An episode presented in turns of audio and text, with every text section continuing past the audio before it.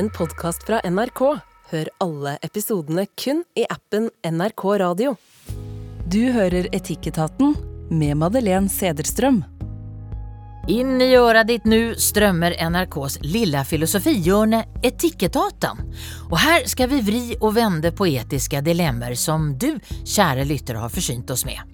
Og vi kaster oss snabbt inn i dagens første dilemma.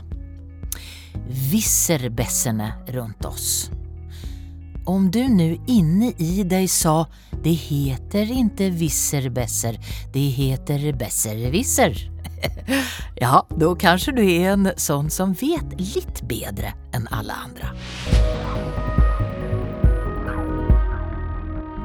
Målet er som vanlig eh, aldri å komme med noen svar, men å forundre seg og spekulere og tenke sammen. Og for den trogne etikketatlytteren så er det muligens litt overraskende å høre min svenske stemme. Kjersti Anderdal Bakken blir nemlig litt opptatt det nærmeste året i mammaperm. Jeg heter Madeleine Cederström og har vært programleder i norsk radio i nesten 40 år. Nå er jeg her på Etikettaten.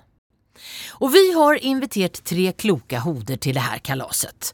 Politisk redaktør i Adresseavisen, Siv Sandvik. Tidigare minister for diverse departement i tre regjeringer Solberg, nu för tiden samfunnsredaktør i nettavisen E24, Torbjørn Røe Isaksen. Og til slut filosof Heine Holmen. Midtlivskrisen kommer til syne på så mange vis. Eh, Anders Lindvik han er en mann i 40-åren. Han har erkjent sin egen tilstand, og det skriver han om i en ytring på nrk.no. Han mener nemlig at når menn når en viss alder, ja, da dyker det plutselig opp en stor trang til å dele av egen innsikt. Og midt i dette så visner tydelig selvsensuren. Efter att ha studerat folk rundt seg så mener Anders at eh, den her allvetande mannen ja, den finner du i nesten alle menn, men også en hel del kvinner over en viss alder. Han selv inkludert. Det her er jo selvsagt en generalisering, men stemmer det? Er det rett og slett en mannlig form for midtlivskrise? Um, ja, uh, Torbjørn. Mm. tror du at du uh, blir, eller kanskje redan er, en mann som plutselig øser ut av deg med nyoppdaget kunnskap for all verdens ting? Da, I så fall har jeg vært i midtlivskrise siden jeg var uh, eh, 25 eller noe sånt. Nei, det, jeg kjenner meg godt igjen i dette her. Det, um, og jeg tror Jeg tror vel det er et hakk mer tilstedeværende fenomen hos menn enn hos eh, kvinner. Kanskje basert på en sånn synsete generalisering. Men, eh, men, eh, men jeg vet ikke egentlig om jeg syns det er noe galt i det. Precis, vi skal, si. vi skal komme tilbake til det der med om det er galt eller ikke. Heine, filosofen i gjenget. Kjenner du igjen deg? Ja, jeg kjenner meg vel igjen. Helst de andre, da. hva, hva er greia? Hvorfor havner menn i denne fellen? Jeg er usikker på om det bare gjelder menn, da. Det må jeg si. For jeg, har selv en meget, uh, meget morsplaining mor, uh, som har vært tydelig helt sikkert siden hun var 25, hun også. Uh, nei, jeg vet ikke. Det er jo noe med at du blir trygg, da. På, på din egen alder og status og subjekt etter hvert som årene går, og sensurfilteret grilles bort i hjernen, og man sitter her til slutt og gir litt faen og tenker nå kan jeg bare by på meg selv. Vær så god. Her eh, kan du få mine kloke ord, eller? Ja, og så er det jo litt sånn Han nevner jo midtlivskrise i det innlegget her, da, syns jeg er veldig flott. Og midtlivskrise er jo ikke noe annet enn en reaksjon på døden. Du er liksom, kommer halvveis ut i livet, og du tenker 'herregud, nå er jeg halvveis'. Eh, nå har jeg ikke så mye igjen. Så det er jo noe med den der krisa også som ligger, ligger, her. Og da kanskje en løsning er å da tenke 'nå kan jeg bidra med mitt', eh, og virkelig liksom sette spor. Før, før jeg dør. Siv, kjenner du mange eh, sånne her menn som blendes av egen innsikt i, i ditt gjeng? Ja, altså vi eh, journalister og kommentatorer, spesielt vi kommentatorer, har jo på en måte det som yrkestittel. Eh, og mener mye om eh, mangt. Eh, men sjøl så syns jeg at jeg var mye mer sikker da jeg var 1920. Altså, da var det ikke et verdensproblem jeg ikke hadde en løsning på, og den var gjerne veldig, veldig enkel. Eh, mens jeg er blitt mer og mer uh, i tvil. Og da kan jeg jo si litt sånn brekkekkert, og har jo rukket å blitt 40 jeg òg, at jo mer jeg vet, jo mer i tvil blir jeg. For ting er jo mye mer komplisert enn uh, det jeg trodde da jeg var 19. Mm. Men jeg i hvert fall tenker at det her er nok ikke bare en mannsgreie, altså. Sånn, I livet så syns jeg jeg får veldig mange gode råd, ja, fra allvitende kvinner. Men får jeg fråga deg litt grann av det her? For at väldigt många kvinnor som jag känner, de lider utav den här, eh, ett, som vi kallar för imposter syndrome. Eh, du kommer snart att bli avslört. Saker och ting, du kan ju egentligen ingenting. Så snart kommer någon och säger att hur dum du är. Eh, är känner du sådana? Ja, ja, ja. Og av og til så uh, rammes jeg av det sjøl òg, men det, jeg tror at det er en ganske sånn vanlig menneskelig ting å, å kjenne på. Er egentlig, er det riktig at egentlig jeg står på denne scenen, eller at jeg skriver akkurat det her? Det fins jo mange folk som kunne ha gjort det her bedre. Og, og det er jo ofte sant. Det fins mange som kunne ha gjort det bedre, men så må du nå stå der da, og prøve å gjøre eh, så godt du kan sjøl likevel. Så jeg tror det er en ganske vanlig følelse som nå har fått et, et navn. Torbjørn, eh, lider du av imposter syndrome noen gång? Jeg skulle gjerne vært litt sånn beskjeden og sagt eh, ja, men eh, ikke Nei, egentlig ikke. Altså det, jeg, jeg også kan være usikker. Jeg husker, eh, apropos Siv, som forteller at hun var mer sånn skråsikker da hun var yngre. Det var jeg også. Og så flytta jeg til Oslo og begynte å studere, og så ble jeg plutselig usikker på alt. For da ting var så mye mer komplisert, og det var ikke svart-hvitt og sånn. Men så oppdaget jeg en, en ting da jeg da syntes det var veldig stas å ferdes rundt i, i skravleklassen og litt sånn kulturkretsen i Oslo. At det veldig mange gjorde for å virke smarte, det var å pense alle samtaler inn på det de kunne best. Og det er klart, Da virker du jo uhorvelig smart, hvis du hele tiden kupper samtalen. Um, men, men jeg tror altså litt, så, litt imposter syndrome, men da er, det jo noe, da er det jo bare en liten sånn porsjon av at du er ikke alltid verdensmester tror jeg de fleste skal ha. Hvis ikke så har man kanskje en motsatt uh, diagnose. Heine, har, har du imposter syndrom iblant? Ja, masse. Jeg er eh, gammel arbeiderklassegutt fra Fredrikstad. Altså vi, vi, vi har verken selvtillit eller Og jeg jobber i akademia ikke sant, på universitetet, så det er jo, jeg er på feil plass i livet på alle mulige måter. Og da jeg studerte i Oslo, så gikk jeg og leste om Torbjørn Røe Isaksen, som var den unge, hippe, kule eh, unge Høyre-lederen og kjente dette er ikke min plass. Han var jo så mye kulere enn meg. Men eh, hva kommer det av? Om vi nu tar tvertom fra att altså ösa egen innsikt. Jeg tror det det er- godt å ha litt selvkritikk, da, så du ikke du bare gønner løs eh, helt ukritisk. Når vi snakker om sånn inntrengersyndrom eller imposter syndrom, så er jo det Det er jo åpenbart ikke noe positivt. For i det øyeblikket man diagnostiserer det, så er det noe annet enn det som er sunt, nemlig en eller annen form for beskjedenhet, kanskje at man er litt nysgjerrig på andre mennesker, innser begrensningene i sin egen kunnskap og erfaring og innsikt, etc.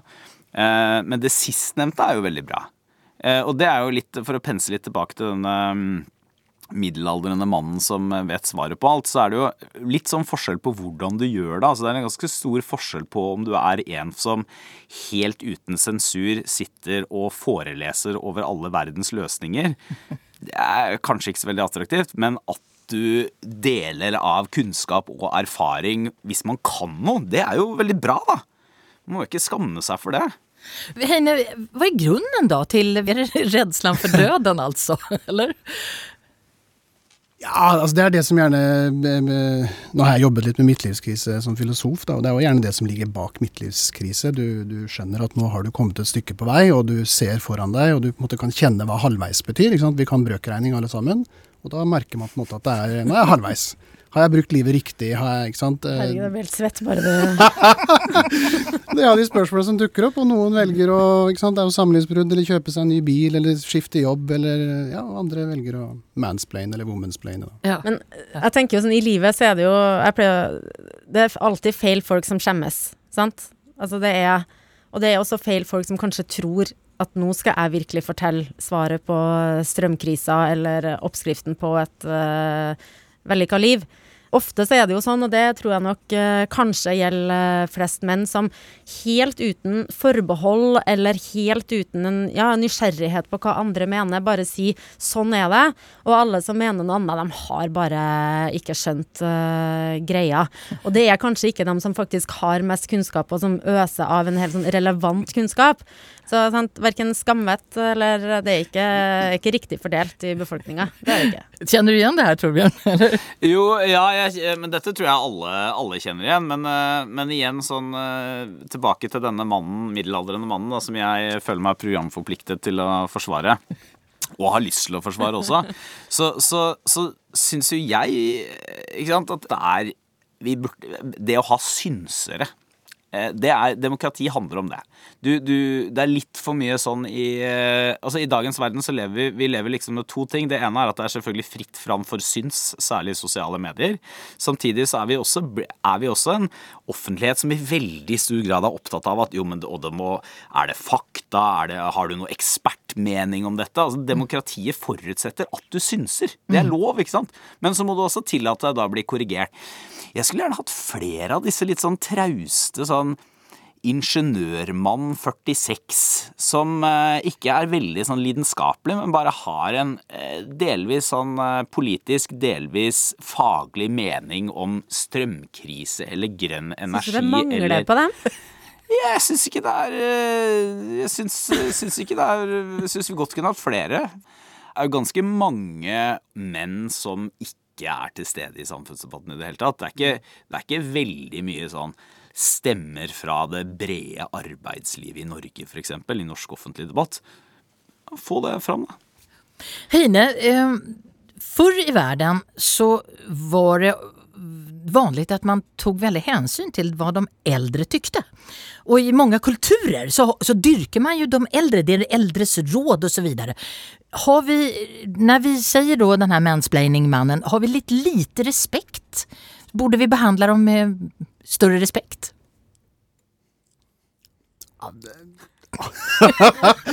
den er Ja, du eh, vi, ja, Men vi har jo det.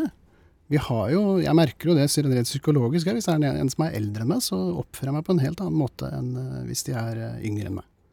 Er det, er det, kan, og, kan, det være det som ligger bak? At det, biologisk sett så, så, er jo den her mannen som har ja, bikka 50, han er jo klok. altså På en måte så er det jo sånn sosiologisk sett så skal du være på topp. Altså i 40-50-60-åra, det er da de skal være på topp i karrieren. Eh, og det rent statistisk. Så de er jo på en måte der de skal være for å kunne bidra, da, sånn som Torbjørn etterlyser når det gjelder alle, alle, menn. Så på en måte så er de der de skal være, og det er jo helt naturlig at de da øser av sin eh, livsvisdom på det tidspunktet der. Bør de ha vår respekt? Ja, nå er jeg litt sånn, tenker at man skal være litt respektløs sånn generelt, da. Så jeg, jeg, går jo egentlig for at man i møte med en som er kjepphøy og synser høyt, og ja, særlig om ting de ikke kan så mye, så tenker jeg man skal gå inn på sånn geriljateknikk og leke seg litt og ha det litt artig. Ok, Kan du gi noen eksempel? Hva, hva, hva skal vi gjøre? Nei, altså det morsomme er å lokke de ut på glattisen. da, Hvis det spesielt er litt sånn at de har lyst til å bidra med mye de ikke kan. Så det er veldig artig å late som du ikke kan noe, f.eks. For, eksempel, for å få de ut på noe du virkelig kan. Dette har du gjort noen gang? Eh, dette har jeg gjort mange ganger. Det er, det er jo en velutvikla intervjuteknikk. Jeg har fått særlig Det var lettere da jeg var yngre. Uh, og hvis det var noen, en eller annen kilde som uh, hadde bestemt seg for egentlig ikke si så veldig mye, og bare spille litt naiv, og, og så stille litt sånne veldig enkle spørsmål. Og ikke avslør uh, ansikts, med ansiktsuttrykket ditt når du bare Det der har du ikke sagt til noen andre. Det, det har jeg brukt mange ganger. Tilbake til den her mannen som uh, uttaler seg i det vide og det brede om alt som han eventuelt ikke kan. Kan det bli et samfunnsproblem noen gang, uh, Siv? Nei, det kan det ikke bli. Det må vi tåle. Altså at uh, noen har lyst til å Altså folk deltar jo i, i samtalen. Det, det, det, verste hadde jo vært hvis folk hadde tenkt at det her kan jeg ingenting om, så da skal jeg bare holde munn. Da hadde vi hatt et samfunnsproblem. Uh, Men selvfølgelig, hvis de tar så mye plass at andre stemmer ikke kommer til, da er det jo dumt. Men jeg syns av og til at vi, vi, opplever at det kommer Hvis en ung kvinne deltar i debatten, og så er det noen som svarer, kanskje like, med like harde ord som det hun hadde Og så blir det problematisert at ja, men herlighet, hun er jo bare ei uh, ung, uh, ung jente på 22. Mm. For det første, er du over 18, så er du eh, kvinne. Du- man må tåle det. Og da, da Mm. må du tåle det. Du kan ikke vil være med i debatten med harde ord, og så kreve en annen behandling i retur fordi du er ung. Det er like viktig, syns jeg. Heine, er du enig? Jeg er enig i at det sannsynligvis er et kjønnsaspekt her. Da. Ja. Altså det, det, det arter seg litt annerledes å uttale seg som kvinne enn som mann. Det merker jeg som foreleser f.eks. Jeg kan være ganske påståelig, og jeg kan være til dels litt sånn eh, opp, høyt opp på banen aggressiv, og det blir, det blir tatt godt imot av studenter. Hvis man gjør det på riktig måte og med humor, men hvis en kvinne hadde gjort akkurat de samme tingene som jeg gjør, så ville det nødvendigvis ikke blitt tatt like godt imot. Det blir imot. fort litt sånn surkjerring. Ja, fort uh, surkjerring. Hva, hva kommer det seg av? Vi, vi tolker jo folk litt forskjellig. så Det er jo på en måte litt sånn rolleforventninger. Man, eh, man forventer at kanskje en mann skal være litt pågående og fortelle hvor, han, hvor skapet står, eh, ofte. Og derfor så tillater vi det. Og det gjør jo kanskje at vi får det resultatet her, da. At Men- det, mansplaining er vanlig blant menn. Men dette måste jo være et samfundsproblem. Att, at, vi oppfatter menn og kvinner som Ja, men- er litt dominante på ulike sett. Men dette, dette er jo et samfunnsproblem. Eh, altså i det å ha sånn syst, systematiske skjevheter som er urettferdige eller urimelige basert på kjønn eller annen type bakgrunn, det er selvfølgelig eh, et samfunnsproblem. Men, men det betyr jo ikke at eh, Altså det, det, eh, det betyr jo ikke at enhver middelaldrende mann som prøver å forklare noe, Nei. eh, automatisk driver med mansplaining. Altså hele Poenget med mansplaining er jo det, Siv, er jo det egentlig Siv tar opp. Det er jo at du forklarer noe til eh, en annen som åpenbart kan det. Altså Mansplaining er jo alltid en variant av 'hør nå her, lille venn'. Ja. Eh, ikke sant? Det er det som er det underforståtte sosiale dynamikken i mansplaining. Og den Syns er ganske da, mange kvinner gode på også, da. Mm. Hør her, lille venn. Ja, stadig, stadig mer, da. Ikke sant? Så det må jo sies at disse, disse tradisjonelle kjønnsrollene, som vi kanskje særlig har forbundet med lederroller forskjellige steder i samfunnet, smelter jo litt til en viss grad litt bort, fordi at du får også kvinnelige toppledere som er eh, like tøffe, like harde, etc., etc., da. Og da, vi, da- blir det mindre av et samfunnsproblem, men det er jo fortsatt et sånn individuelt problem. Da. Så jeg tenker det, det som tillater uh, splaining, enten det er det ene eller andre kjønnet, det er jo det de som mottar. Det er jo det at du står der og lytter. Eh, Så vær litt sånn som jeg sa i stad, vær geriljataktisk. Altså gå ut og gå hardt imot. Og så, så får du i hvert fall møtt motstand, for det, det, det, det trenger alle. Hva gjør du Siv når du møter en som er åpenbart mansplaining? Det kommer jo litt an på settingen, da. Hvis jeg er i et uh, familieselskap og, og vil ha god stemning, så sitter jeg jo bare og nikker. Da, det er jo ikke alltid jeg tar geriljataktikken. Men eh, hvis, eh, hvis jeg føler for det, så, så kan jeg ta den. Og det er ganske morsomt da noen gang å svare med helt samme mynt, være like breial tilbake, og se at uh, smilet stivner litt hos uh, mann eh, 50 pluss. Torbjørn, har du noe, noe medisin imot mansplaining? Altså, jeg, jeg er sannsynligvis en mansplainer, så det er ikke, du må ikke spørre liksom, gjerningsmannen om hva som er Jo, jo. Men jeg skal si at det jeg liker, da, som en, eh, nå som jeg kommer ut av skapet som en mansplainer, som sikkert er ekstremt lite overraskende for alle som kjenner meg, det er jo at det som er gøy, er jo ikke å sitte og forelese, selv om det er ganske gøy. Men det som er enda gøyere, er jo nettopp hvis, eh, hvis det er noen som er sånn som Sviv, som ikke bare tar igjen, men at det blir en diskusjon. Det er det som er morsomt. Altså Alt det andre kan jeg jo, det er fint å ha et publikum, men eh, det er jo når det blir diskusjon at det er gøy.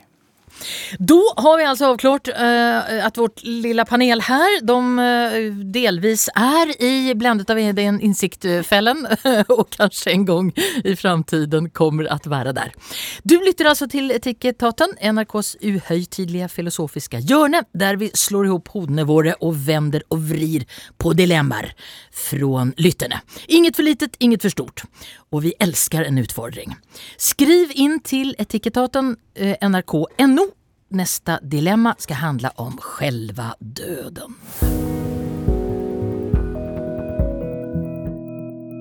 Ska det vara en menneskerett å få dö på hytta om man ønsker det? Ja, det er temat nu i Etikettaten.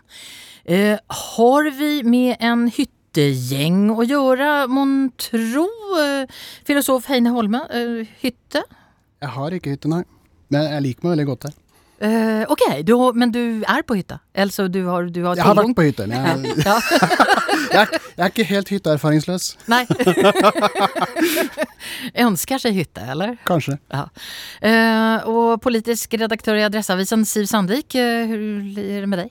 Ja, så har uh, gifta meg til ei uh, lita hytte uh, i Stjørdal kommune. Som ikke, det er ikke noe palass i Oppdal vi snakker om her. Men uh, ja, jeg har eh, hy nå hytte. Ja. Mm. Liker dig godt der? Jeg liker meg veldig godt eh, der på sommeren, ikke på vinteren, for da fryser vannet. Så da er jeg litt sånn vanskeligere å, å få meg ut dit. Eh, for jeg er ikke den som syns det er kjemperomantisk eh, å bo et sted eller være et sted uten innlagt vann. Men eh, på sommeren så trives jeg godt her.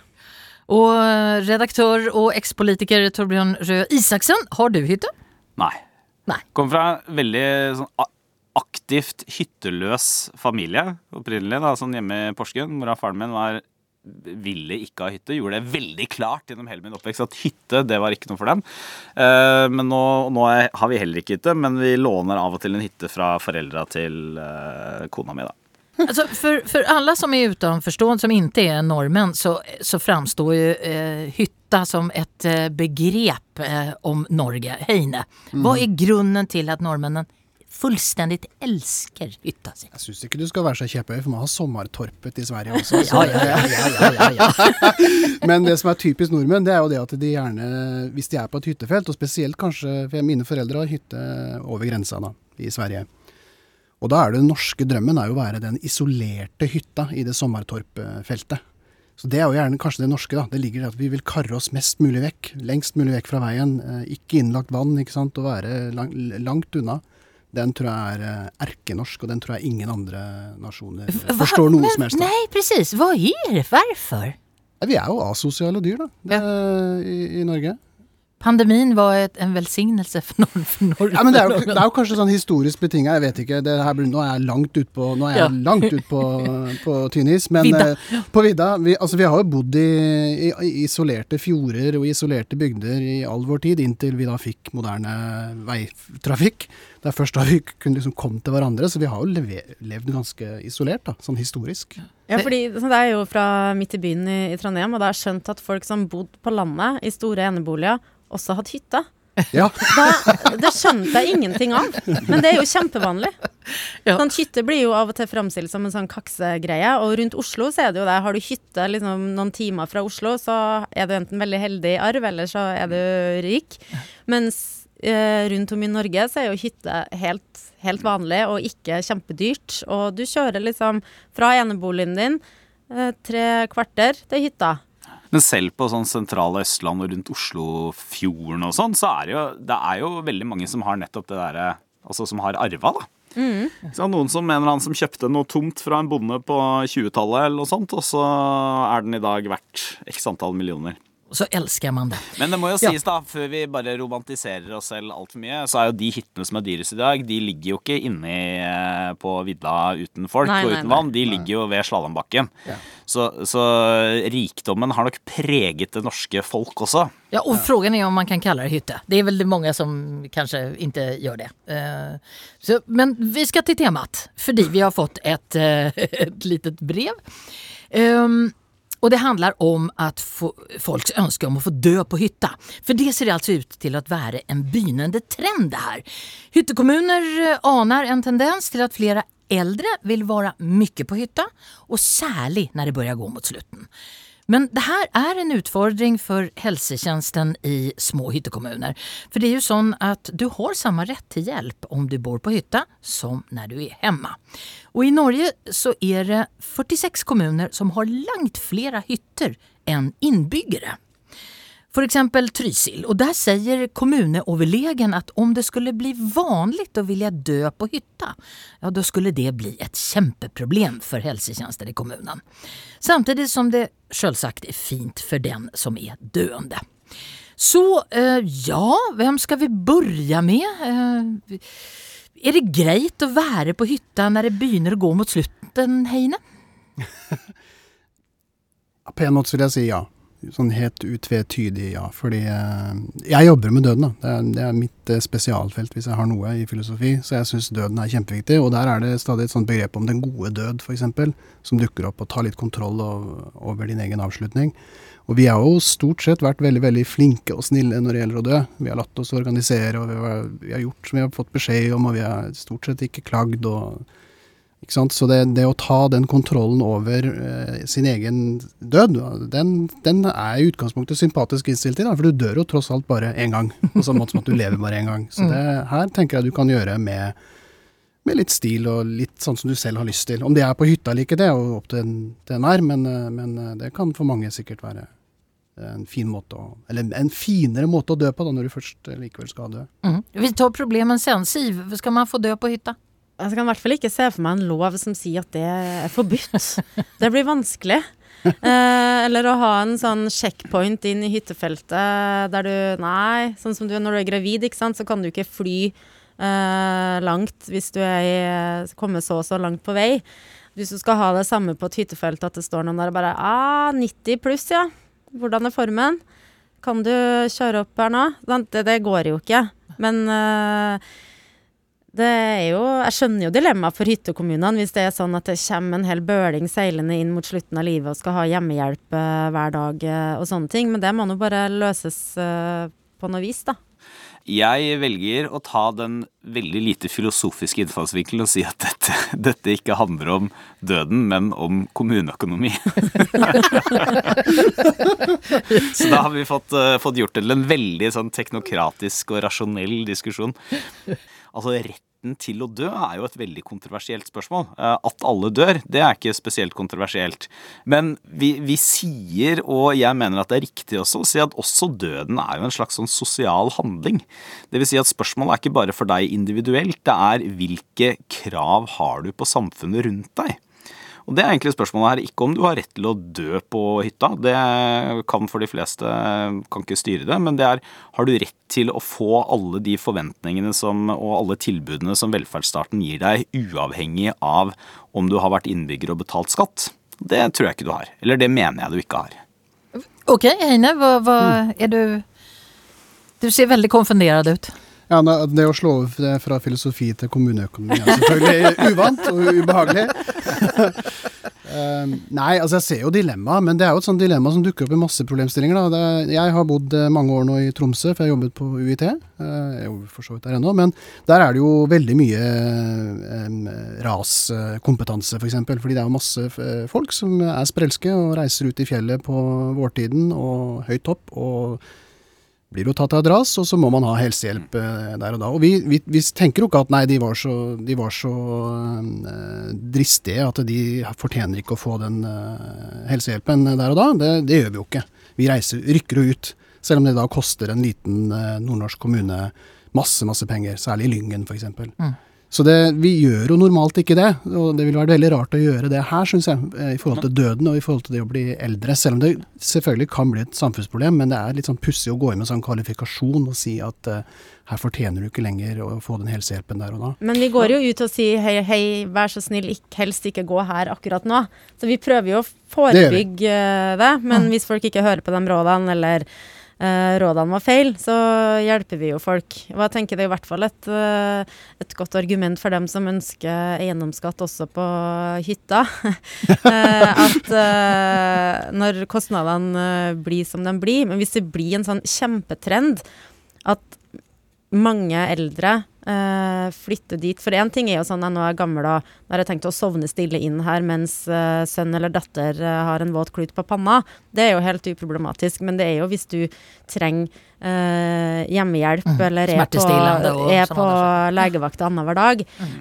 at, at, det blir noe som liksom, samfunnet må finne en løsning for. Om det blir at pengene følger pasienten. Altså at eh, Jeg vet ikke. Det her må jo bare løses. Men det kan ikke bli et sånn individuelt forbud, tenker jeg. Nei, det, det, men det tror jeg vi er enige om, og det er, det er liksom veldig vanskelig å se for seg. Det var, det var ille nok da den regjeringa som jeg satt i, hadde dette hytteforbudet ikke Ja. sant, pga. pandemien. Det var ikke denne. Ja.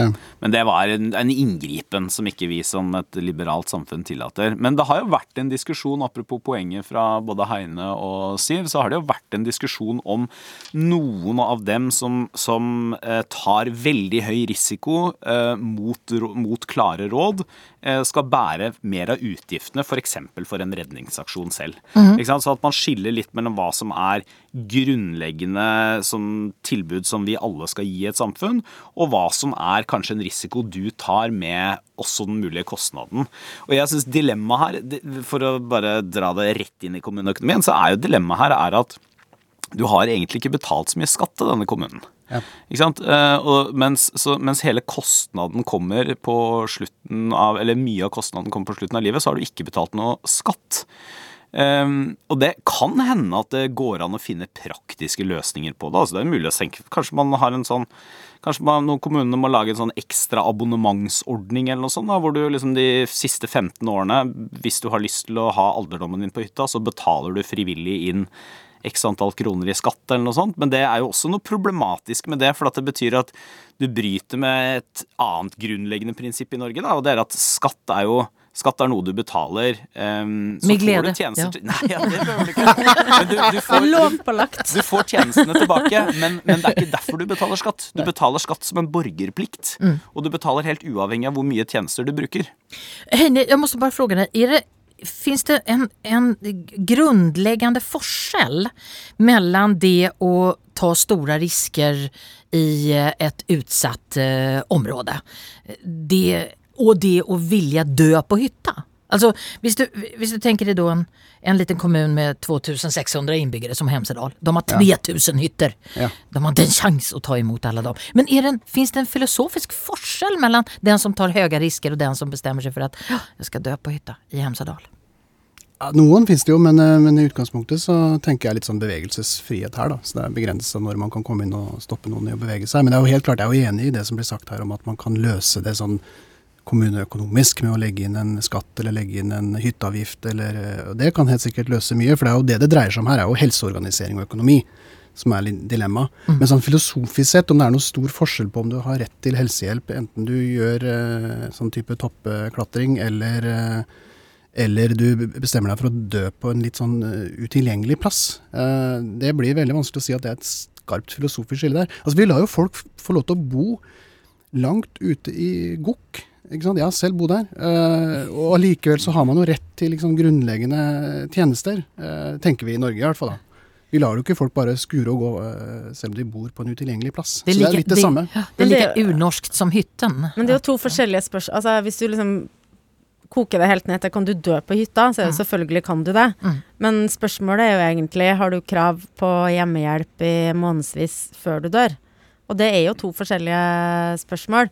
Sånn, det ble jo et ramaskrik da helseminister Ingvild Kjerkol sa at eh, i en bisetning nærmest at vi må planlegge for uh, vår egen uh, Alderdom. alderdom. Eh, og det syns jeg jo at uh, folk uh, bør, og det gjør jo folk. Altså, det er jo en grunn til at folk uh, selger den svære eneboligen med diger plan og flytter inn i tredje etasje over uh, Coop-en i, i sentrum i bygda der de bor.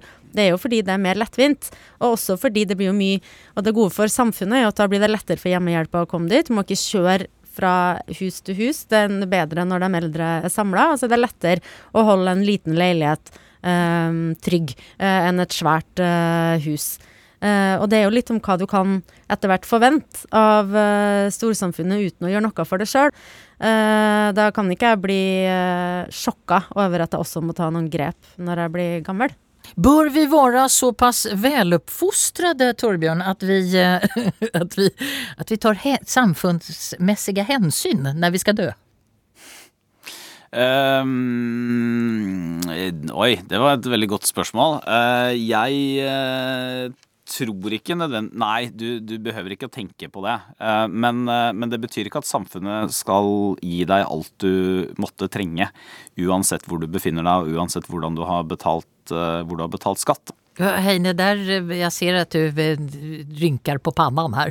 Ja, men jeg sliter med å sette meg inn i kommuneøkonomiske perspektiver da. Så jeg sitter og tenker som eh, litt sånn eksistensialist og filosof at uh, det er en veldig kjent strofe fra en, en britisk poet som heter Dylan Thomas, som er 'Don't go quiet into that. Uh, good night'. Og jeg tenker den bør flere ta til seg, da. Vi bør ikke være så flinke og lydige Særlig ikke på slutten. Det er den siste sjansen til å ta et sprell. Fight, fight, fight against the dying light. ja. Underbart. Politisk redaktør i Adresseavisen Siv Sandvik, tidligere minister for diverse departement, tre i regjeringer, Solberg, nå for tiden samfunnsredaktør i nettavisen E24, Torbjørn Røe Isaksen, og til slutt eh, filosof Heine Holmen. Jeg heter Madeleine Cederström. Du lytter altså til Etikettaten. Neste tema ut, det er Hva er egentlig arbeidet ditt verdt i kroner og ører?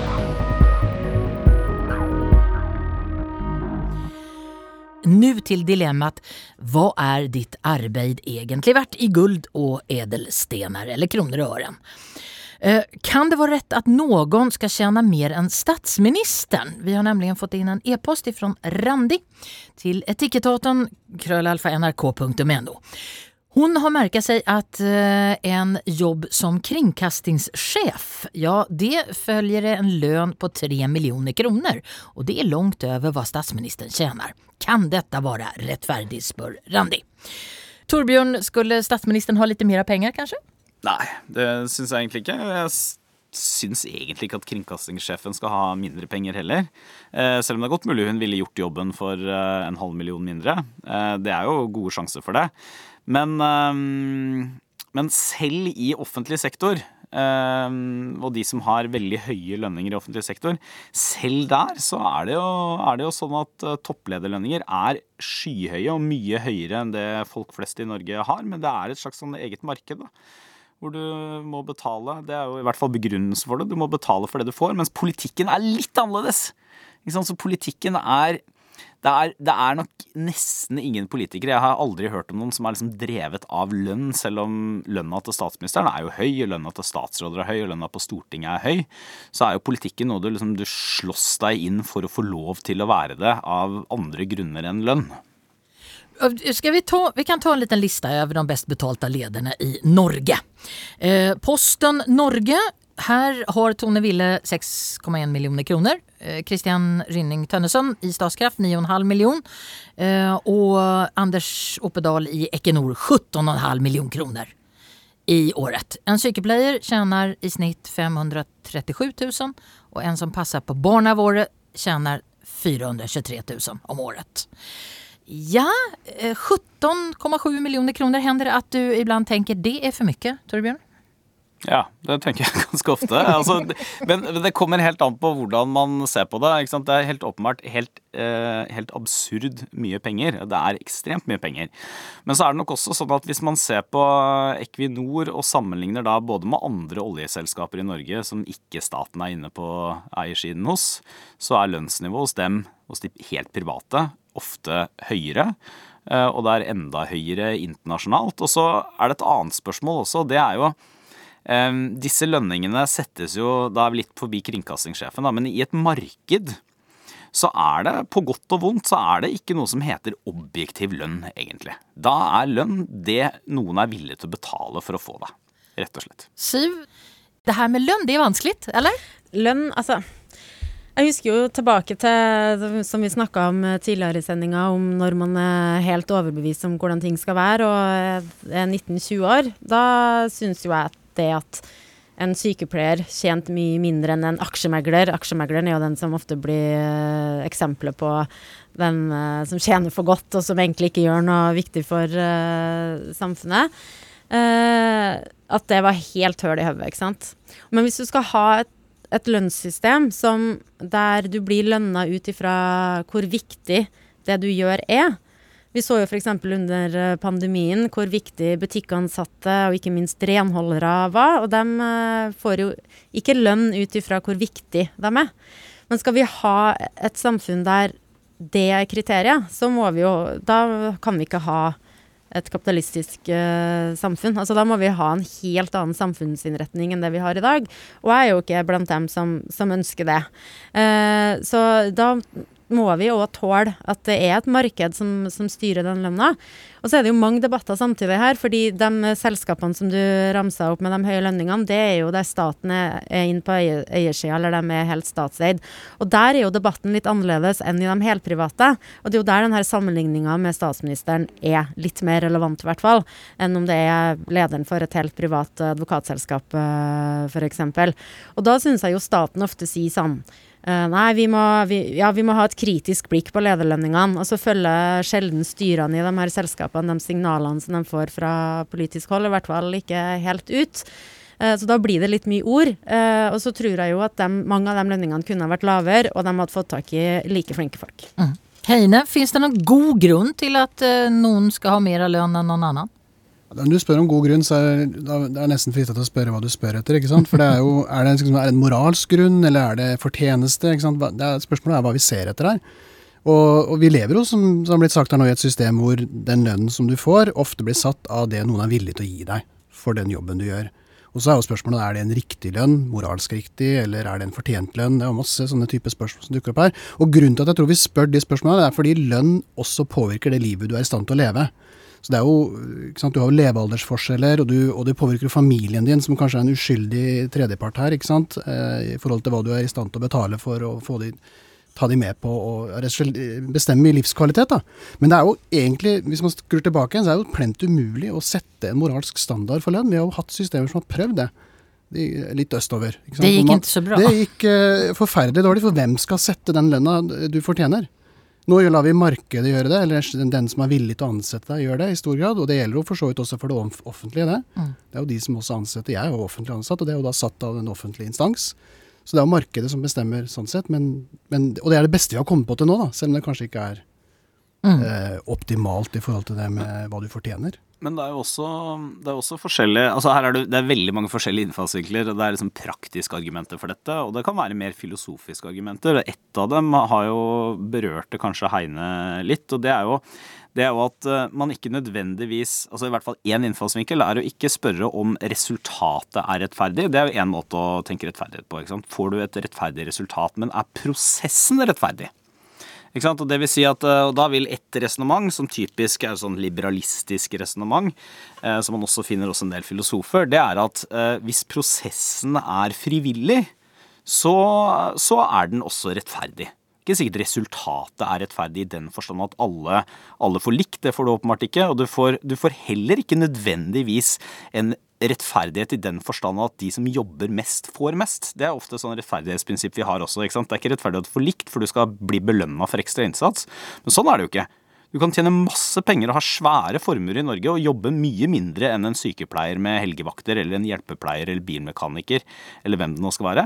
Men kan jo hende i et demokratisk, eh, liberalt samfunn. Hvis prosessen er rettferdig, så må man uh, kanskje si da at resultatet er i hvert fall legitimt eller gyldig eller rettferdig på en eller annen måte. Kan man, kan man på noen som helst måte gjøre noe åt det her?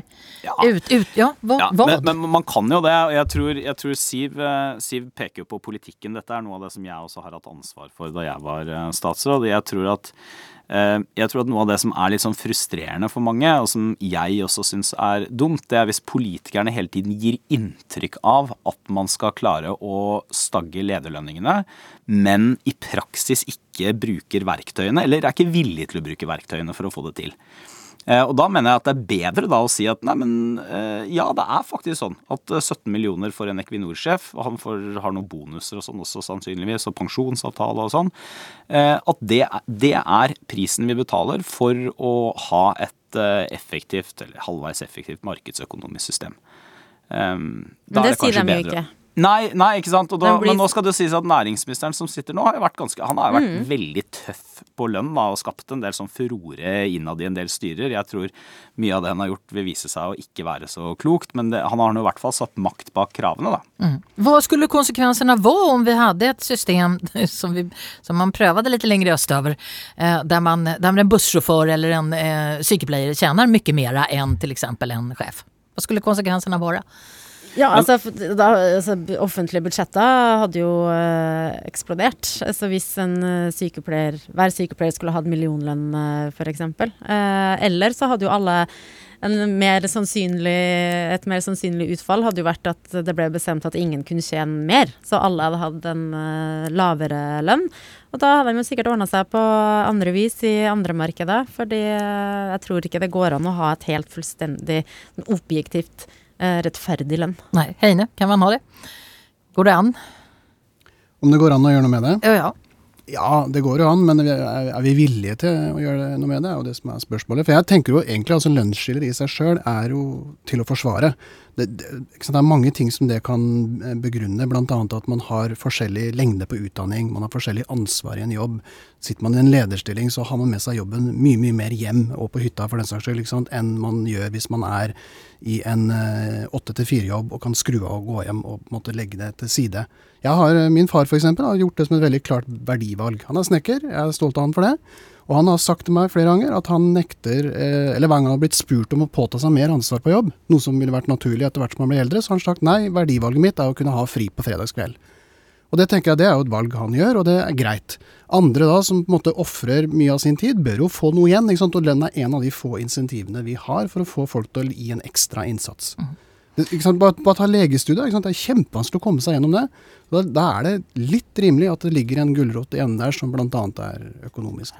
Vi, jag jeg tenkte jeg skulle ställa et spørsmål för, i anledning av det du sa, Heine, om din pappa som tog et verdivalg. Mm. Visst våre tre paneldeltagare fikk velge mellom en uke extra lön eller en uke extra ferie, hva, vad skulle ni ha valgt? Siv, hva skulle du ha valgt? Nei, Jeg kjenner veldig godt, så jeg har tatt en uke ekstra ferie. Heine? Jeg hadde gått for lønna. Jeg hadde ikke fått den ferien uansett. Torbjørn? Nei, jeg, jeg, er nok litt på Heines. Altså, det er ikke for at jeg Men eh, det, det liksom ferie har, ikke, har egentlig ikke behov for mer av det. Jeg får ikke, får ikke brukt eh, nok av det, tror jeg. Jo, men da måtte det ha vært en ferie der jeg visste at jeg ikke kom til å sitte og trippe og kunne ønske ja, at jeg ja. var på jobb, og der ingen ringte meg og ingen sendte meg e-post. Og så måtte det ha vært sånn ferie, ferie, ferie, som ikke fins lenger. uh, men uh, i en sånn perfekt ferieverden. Ikke sant. Ja. I, i, I, anno 1983, yes. uh, hvor ja, telefax eventuelt kom. At det å være, ha sånne typer jobber som vi i panelet i dag har i dag, Kontra altså Jeg husker da jeg var journalist eh, på midten av 2000-tallet. Hvis noen var kjempesint på hva jeg hadde skrevet eller et eller annet, så fikk jeg ikke vite før jeg kom eh, på jobb dagen etter og skrudde på PC-en og sjekka mail. Nå så får du jo vite et halvt sekund etterpå, eh, og noen ringer deg og har et innspill eller eh, et eller annet. Eller samme hvis Eh, en kollega har et eller annet å ta opp, så får du jo den mailen når som helst. Får, og, og det, men det er jo en helt annen greie, da, ja. enn det vi snakker om nå. Men uh, ja, jeg tror det var alt. Alt var lettere før. en ferie han er 1983. Ja, det den, den, har vært var. Nå kan jeg jo fortelle da til panelet at uh, jeg tittet på en intervju uh, i går uh, av en av verdens ledende forskere på KI, dvs. Si kunstig intelligens, Stuart Russell. Og han spår at vi inom kort tid får en stor omvältning i arbetslivet der KI då kommer å ta nesten alle de her bäst betalda jobben.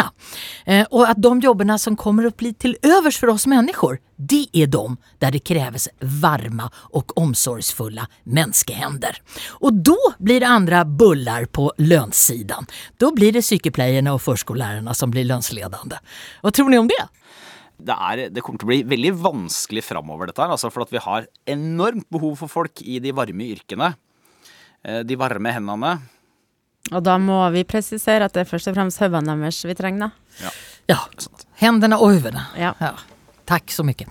Det er altså eh, to eh, litt mer pengeelskende og en ferieelskende dilemmaknar i Etikettaten i dag. Neste dilemma handler om eh, kanskje den viktigste dagen i livet ditt. Våre filosofiske snakkevenner her i Etikettaten dag skal kaste seg inn i neste dilemma, i lust og nød.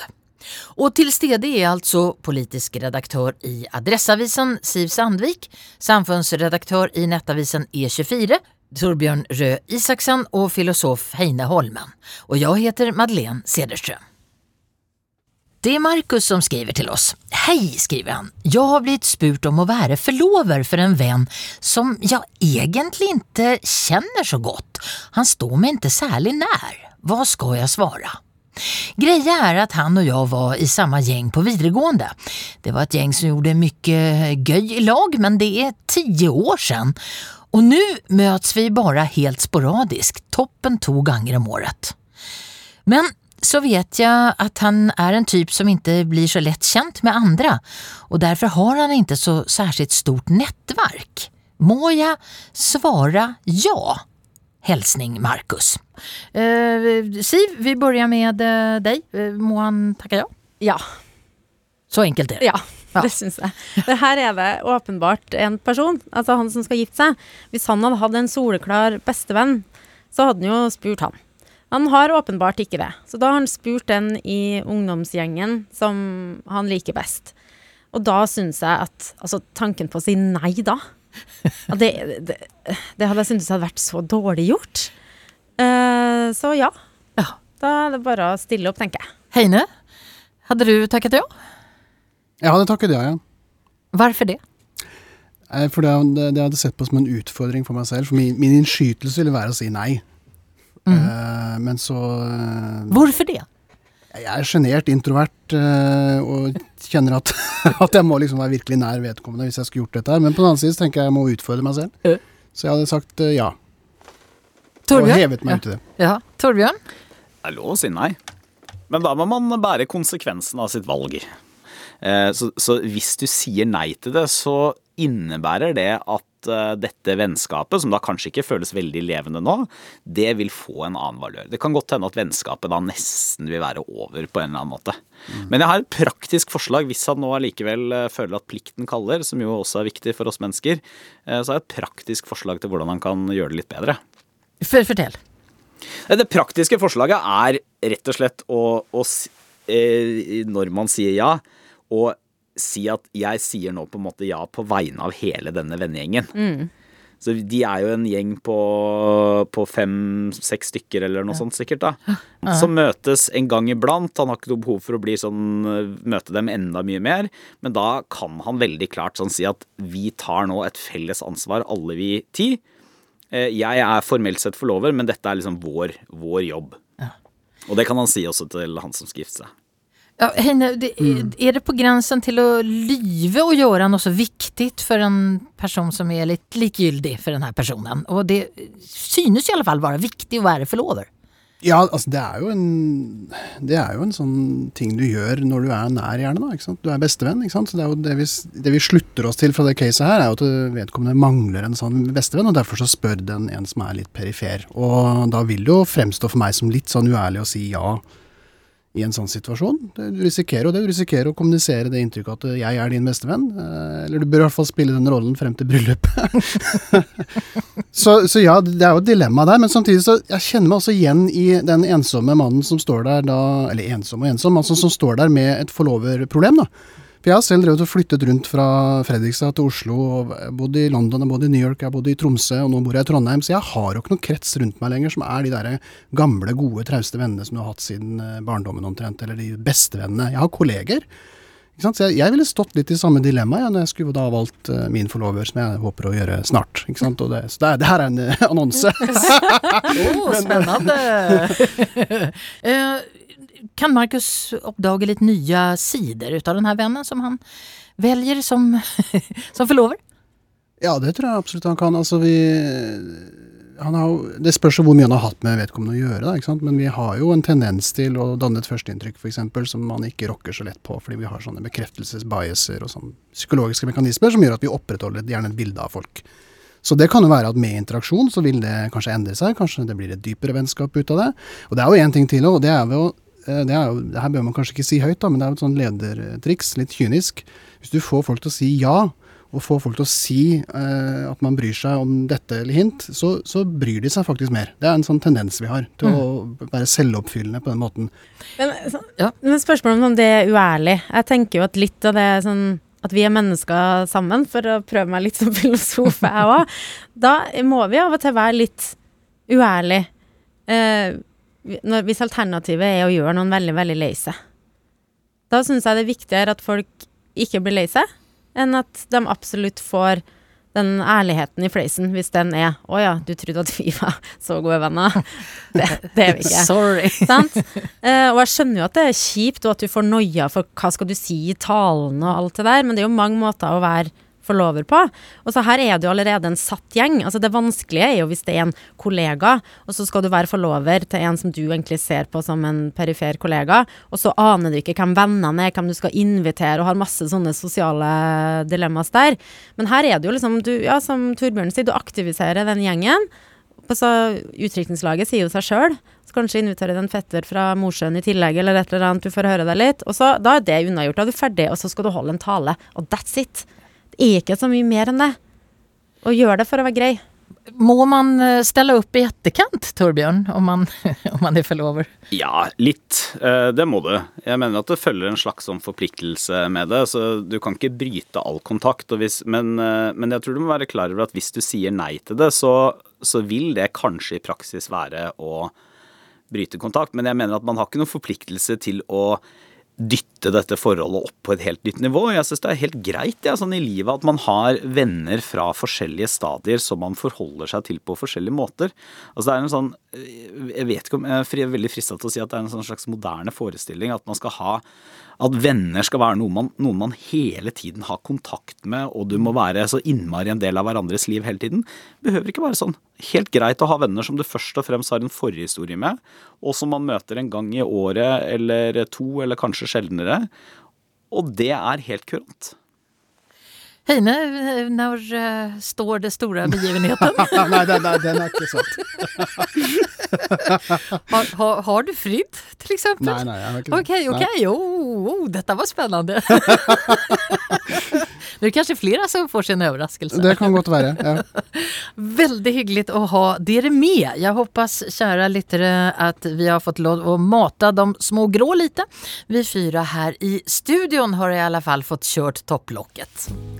Til stede dag politisk redaktør i Adressavisen Siv Sandvik, tidligere minister og nu for tiden samfunnsredaktør i Nettavisen E24, Torbjørn Røe Isaksen og så filosof Heine Holmen. Nästa uke då ska vi bland annat snacka om fenomenet hilsing. Vad är det som har hänt egentligen? Har vi sluttet å håndhilse nå efter pandemin? Har du ett dilemma som du vill att vi ska ta tag i så sänd det till etikettaten krøllalfa nrk.no. Och husk, det finns inga dumma spörsmål eller dilemma. De som säger det, de är dumma de. Och jag heter Madeleine Cederström. Och hvis du likte det du hørte, så kan du vel tipse en venn? Du har hørt en podkast fra NRK. Hør alle episodene kun i appen NRK Radio.